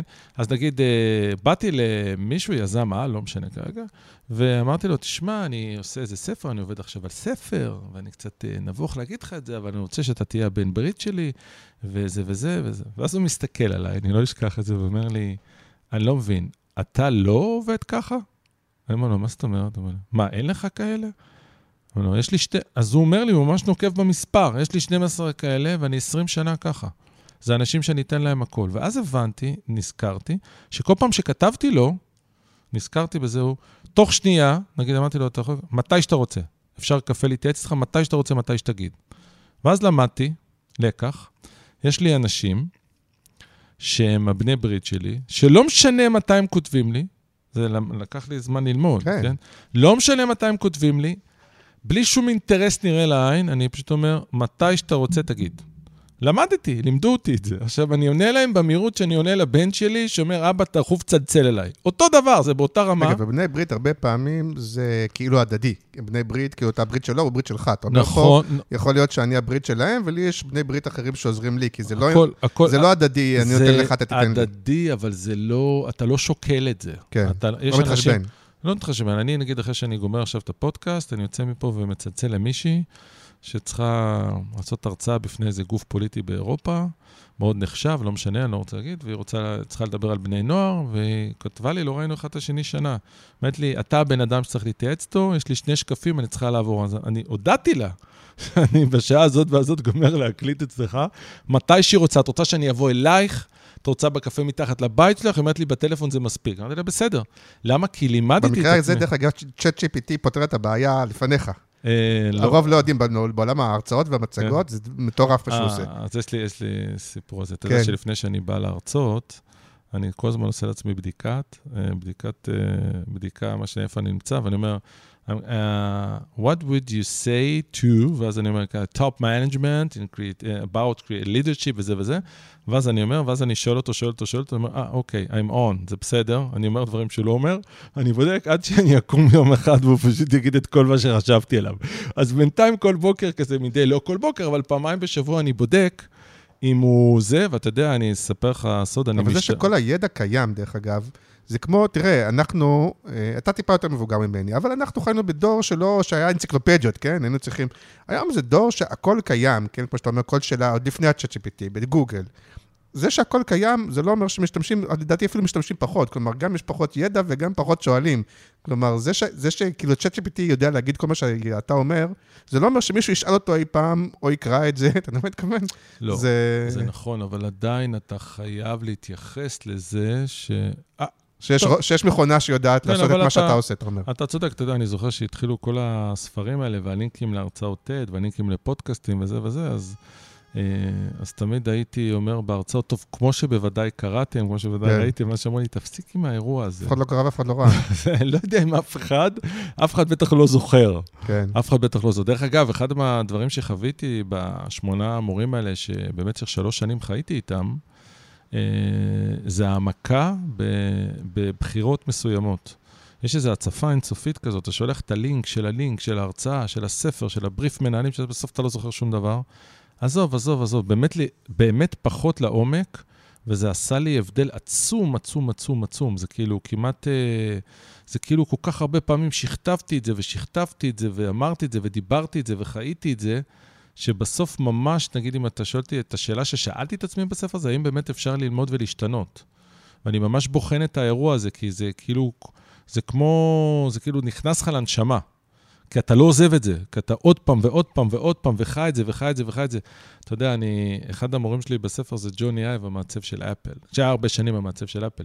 אז נגיד אני, נגיד, אתה רואה חיכיתי איזה מתי סוף. נגיע לאפל, כן. כן, אז אני לא, אני לא שותה יותר בכוס חד פעמית, כי ג'וני חושב שזה לא אסתטי. אני עברתי לזכוכית. אה, עשו לנו פיגומים, אה, בנו לנו מרפסת עם פיגומים, וג'וני כל הזמן מדבר על זה שצריך להיות אסתטי וזה וזה. אז לקחתי את הילדים, הבאתי צבעי טמבור, וצבענו את הפיגומים במרפסת, בסדר? אה, ואז אני רואה את הילדים, הלכתי לשטוף ידיים, אז אשתי חוזרת, אז היא שואלת אותה, מה אתם עושים? אז הם אומרים, את יודעת, אבא עם הספר שלו, תשתפי פעולה, לא חשוב. כן. זה, זה כאילו חדר לי לנשמה ולחיים לחיות לפי point of views. התחלתי לעשות ציורים מודרכים, התחלתי לנדנד לאנשים, אה, נגיד, הבית קפה, למה הם עיצבו אותו, כולו יושב אף פה במקום סתם. אה, למה השולחן ככה, למה הכיסא ככה. אני חושב שזה היה תרגיל כזה, כמו תרגיל כנראה של שחקנים טוטאליים של דוסטויבסקי. אז uh, בתוך כל האין סוף אפשרויות ואין סוף בבלס כזה, uh, פתאום, אתה יודע, להתרכז כאילו במישהו אחד ככה חודשים ולרדת לעומק, הייתה חוויה מאוד מאוד מעניינת. אבל עם יד על הלב, ופה זה... אני מודה שאני כזה, כלומר, אתה הרי, יש מעט חברות שאתה מלווה, מלווה, והרבה מאוד חברות ואנשים שאתה נוגע בהם בהרצאה, בסדנה, שומעים אותך בפודקאסט, ואני אומר, גם אני כזה, אז כמה באמת זה משנה או משפיע, או כמה, אוקיי, שמעתי את אייל דורון, לרגע זה הוריד לי איזה אסימון, אמרתי לעצמי, אני אעשה עם הילדים זה, מחר אני שוכח. כאילו, זה יכול באמת לעבוד ולהשפיע, גם אם לא עושים יום-יום תהליך מסודר אה, וככה? אני לא, אתה יודע, אני פה בדילמה עם עצמי, כמה... כמה... תשמע, עיתונאי קשוח, חביבי, זה לא... לא, כמה... אתה קשוח, אתה מאוד נחמד. כמה, כמה לדבר על זה, אבל uh, אני, ברמה כמעט יומיומית, ניגשים אליי או מדברים איתי על דברים שפתחו את הראש. Uh, אתה היית קצת בהרצאות שאני נורא נורא נורא מנסה... אה, אני נורא עובד בזה, בסדר? אני נורא מנסה ל, לגרום לאיזשהו שינוי. יש כאלה שזוכרים הרצאות אחרי שנים, איזה... ולפעמים זה לא עובד, ולפעמים זה עובר ליד. אה, בסדר. אה, יש שאלה בכלל, האם אפשר להשתנות, כמה אפשר להשתנות, כמה אתה רוצה להשתנות. אני חושב שאלה, ויש כאלה הרבה שאני הצלחתי לשנות אצלם משהו, זה אלה שקודם כל בזכותם, הם היו על הסף של הדבר הזה, ואני הצלחתי להיות עוד חלק מהמסה הקריטית. זה לא אני. Uh, אתה יודע, אתה יודע מה זה, זה יש uh, בסך הכל, אני חושב, משהו כמו 10-20 אחוז מהאנשים שהם משתנים באופן דינמי מרצון, כן. וכ-80 אחוז מהאנשים שהם משתנים כי אין להם ברירה. כי הם פוטרו, כי קרה משהו, כי קרה אסון וכולי. ברור שזה היחס של הדבר הזה. אם אתה פוגש חלק מה-80 אחרי המשבר, או חלק מה-20 שבלאו הכי הם נטורל כאלה, והם פוגשים אותך, אז אתה יכול להיות מאוד אפקטיבי שם. אבל, כן, סליחה. כן, כן. אבל אפרופו יצירתיות, כי אתה יודע, יש משהו, אומרים, להשפריץ יצירתיות. ושוב, בגלל שאני יותר מהעולם הזה, ואתה, אני יודע, בן אדם, אפרופו, מי שרואה את ההרצאה שלך, לא יכול שלא להבחין שאתה בן אדם מאוד יסודי ורציני, כן? כלומר, רואים שזה לא מישהו שהכין את ההרצאה אתמול בערב, וחצי מאלתר, חצי מסתכל אחורה, לזכור מה השקף עכשיו. אז כמה יצירתיות היא באמת, כמו שלפעמים אומרים, זה, וגם במשרדי פרסום וכאלה, זה אנשים שיוצא להם מהשרוול, אבל אתה יודע את התשובה. וכמה יש בזה משהו מאוד אתה... בסוף רציני, אבל מוסדר. אבל אתה בתחום, אתה בתחום. אתה אומנם כן. מיתמם כי אתה מנחה פה, אבל אתה כן. בתחום. כן. סיזיפי, סיזיפי, סיזיפי, עבודה מאוד קשה. אני פשוט אומר, אתה היית יכול לענות את התשובה הזאת במקומי, אבל זה המשחק תפקידים כרגע. זה מאוד מאוד מאוד, אה, זה שני, זה שני ניגודים משלימים. דיוק מאוד מאוד גדול, מה הבעיה באמת, מה הצורך, מה רוצים, איך רוצים, מה העיקר, מה הטפל, החשיבה הביקורתית המתכנסת, בצד גמישות רדיקלית, אה, ומי אמר ש, ובוא נשתולל ובוא נתפרע, אבל זה חייב להיות שני ניגודים משלימים. אה, ואתה רואה, אני מוצף מהספר, אבל אין ברירה. ג'וני אייב, המעצב של אפל, שהזכרנו, הרבה שנים אמר ש... שני הניגודים הכי מטלטלים שיש, שהוא מכיר, זה ירידה לפרטים מדקדקת של critical thinking וגמישות של לעוף עם הדמיון, והוא אומר שיום טוב הוא יום שבו הוא חווה לפחות שלוש פעמים התנגשות טקטונית בין שני הניגודים האלה. ואני חושב שחשיבה יצירתית, או תוצר יצירתי אמיתי, זה כמו שאתה אמרת בהרצאה, יש שם המון המון מאמץ, והמון המון המון אה, זה, והרבה מאוד פעמים פשוט אה, אה, אנשים מפסיקים לחפור איפה שאחרים ממשיכים, מפסיקים לשאול איפה שאחרים ממשיכים, והרבה מאוד אנשים יצירתיים, פשוט יש להם איזה passion כזה ואיזו אובססיה כזאת, להמשיך לשאול. כי אתה לפעמים זה, עכשיו, לפעמים זה יבוא לך בדראפ הראשון, ומי שיראה את זה, יגיד, אה, הוא עובד קל, אבל הוא לא יודע שלפעמים זה בא לך בדראפט ה-29, ואם צריך 29 דרפטים, אתה גם תעשה 29 דרפטים. הוא לא ראה אותך במצטבר בכל הווריאציות, לדעתי. נכון. אז, נכון, וזה בעצם הסיפור. למרות שלפעמים, שוב, אולי גם ת, תגיד אה, אה, אחרת ממני, אבל לפעמים ביצירתיות של אומנות נקייה, אז הרבה פעמים כן מדמיינים את זה כאיזה משהו שהוא באמת, אה, אתה צינור. אתה יודע, אנשים שאומרים, כן. אני מין צינור, זה נשפך ממני לדף, לפסנתר, לא משנה מה. כן, ובפרסום, דרך אגב, אתה הגדרת את זה, אבל גם בפרסום, בטח בקופי רייטינג או קריאייטיב, זה ממש ככה, ושם זה עוד יותר, כי אתה צריך להיות מצד אחד, מה זה פרסומאי טוב? מצד אחד אתה צריך נורא נורא נורא ללמוד, להיות על הבריף, על הקהל, על הטון וסטייל, על המסר, מאוד מאוד וואחד קופסה, כאילו, ואז בתוך המקום הקטן הקטן הזה, בתוך הקופסה, להיות נורא נורא יצירתי, נורא... אתה צריך את השתי... את השתי יכולות לא... המנוגדות האלה הרבה פעמים. לכן אני מאוד מאוד לא אוהב את ה... חד משמעית, אני מאוד לא אוהב את המטאפורה לצאת מהקופסה, להשתולל, כל מיני שטויות כאלה. בוא נעשה פתקים צבעוניים, ונפרק ונרכיב טרקטורים, ובוא נעשה כל מיני סדנאות, אאוטדור. זה... בסדר, תעשו אם בא לכם לכיף. זה לא קשור ליצירתיות בכלל, זה לא חשיבה אמיתית, זה סתם טרלול. ו... אבל נגיד אסתטיקה, אתה כן, אומר, היא מפרה יצירתיות, או שזה סתם נעים לך בעין? אסתטיקה, בוודאי. לא, שדיברת על המצב של אפל, אז אתה אומר, האסתטיקה עצמה... אני, אנשים צוחקים עליי. אני, היום היה לי סדנה, יום שלם, סידרתי את החדר בצהריים. אז אומרים לי, אה, הנה יש לו OCD, אז אמרתי להם, חבר'ה, זה לא, זה לא יעבוד ככה, אנחנו לא... זה לא יעבוד, הבלגן, אי אפשר, אי אפשר בבלגן הזה, ל... זה לא יעבוד, יש איזה נורא מאומץ, אנחנו עכשיו מגיעים למשהו מאוד מאומץ, זה שלב מאוד מאומץ. אתם לא רואים שזה נורא, זה לא יכול לעבוד ככה. אבל יש אמת אחת, או שיכול להיות לא, שלבן אדם אחד זה לא עובד ככה, ובן אדם שני... חד משמעית. רק הבלאגן יפריע אותו ויגרום לו. חד משמעית. אני כרגע יש לי אחריות, יש לי תפקיד. It's not about me, נכון? אני פסיליטייטור, הביאו אותי כדי לעזור לכל הכישרון בחדר להגיע מנקודה לנקודה. אז אני צריך לקחת אחריות, אני לוקח אחריות, אני יודע מה ה-setting. אני יודע שלפעמים אם יש לך עשרה שולחנות שהם מפוזרים בחלל, או שהם יותר אינטימיים וקומפקטיים, זה הבדל עצום באנרגיה. כן. אז אני כרגע composer, כי אני גם לוקח את האחריות, בשביל זה הביאו אותי, mm-hmm. שנקרא לנדנד לכולם. כן. אני לא אמרתי שזאת הדרך, זאת פשוט הדרך שלי לעזור להם. זה עסק נורא רציני, אה, הסיפור הזה. זה, זה מאוד פרקטי, זה מאוד שורה תחתונה, זה מאוד bottom line, וגם אתה, שאתה צריך למצוא איזה סלוגן, וגם אתם, אתם צריכים למצוא איזה קמפיין שיווקי. רק מה שאתה אומר, שהוא נורא נורא מעניין, אתה צריך בתוך כל השיטתיות הזאת ל, ל, ל, ל, לשמור על איזה חיוך, על איזה שובבות, על איזה נאיביות, ו- ואני חושב שזה הדבר המדהים. זה כמו שפגשתי אותך פה לפני הפודקאסט, ואתה יש לך איזה משהו כזה מאוד חינני, ואתה נהנה, ואתה בפודקאסט ה-300 ומשהו, ואתה עדיין מלא בפשן. אתה, זה גם וגם וגם, זה גם מזכיר לי את, אה, אה, את, אה, את, את יוסין בול, איך קוראים לו? כן, נכון? כן. ש, ש, שבא לריצה הכי חשובה באולימפיאדה, ולפני זה הוא מתבדח עם המתחרים שלו. זה, ו, ושנייה קודם הוא סחב איזה 80 קילו, ב, היה פעם סרט של האימונים הסיזיפיים שלו. אז היכולת הזאת ל- ל- לחיות את המתחים, ובאחת עד שתיים לחפור לעומק של קהל היעד, ואז בשלוש לחזור אחרי ארוחת צהריים ו- וללכת באיזה רצף אסוציאציות ולהחזיק את הגם וגם הזה, אני חושב שזה בעצם הסיפור uh, של יצירתיות, ומי שרואה רק חלק מזה, מפספס את האירוע, את האירוע כולו, כאילו. אז אולי לסיום, שאלה אחת מההתחלה שעוד זה, כי אני אה, דור ה-X כזה, ואני לגמרי אוהב עדיין, אסור להגיד, אבל אוהב את הבוטות, ואוהב קצת את החוסר PC, ואני קצת, אתה יודע, הדור שמבין. כן, וקודם אמרת שלדעתך זה הולך לחזור, אז רק על זה אני אשמח שתגיד עוד... מה אה, הולך, מה מכולם? שאמרת שה-over PC הזה, שמאפיין אותנו מאוד בכלל, ובטח כן. בעולם התקשורת והשיווק והפרסום, אמרת, זה לדעתך, אז דווקא מעניין אותי איך זה יישבר ולמה. זה... לא, אני חושב, אני חושב, אני מהמר, הייתי מהמר על זה, אנחנו מאותו דור, אבל הייתי מהמר על זה ש...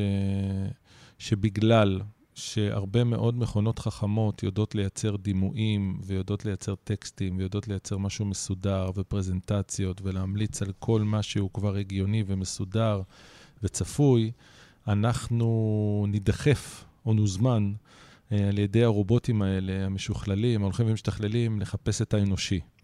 וחלק מהאנושי ילך לכיוון הספונטני, וחלק מזה ילך לאלתור, וחלק מזה ילך לבוטות, וחלק מזה ילך לפרובוקציה, וחלק מזה ילך לאותנטיות, ולחספוס ולכעס, ושם אני חושב שה-PC אה, לא יספיק כדי לעשות הבדל מהמכונה החכמה בשלב מסוים.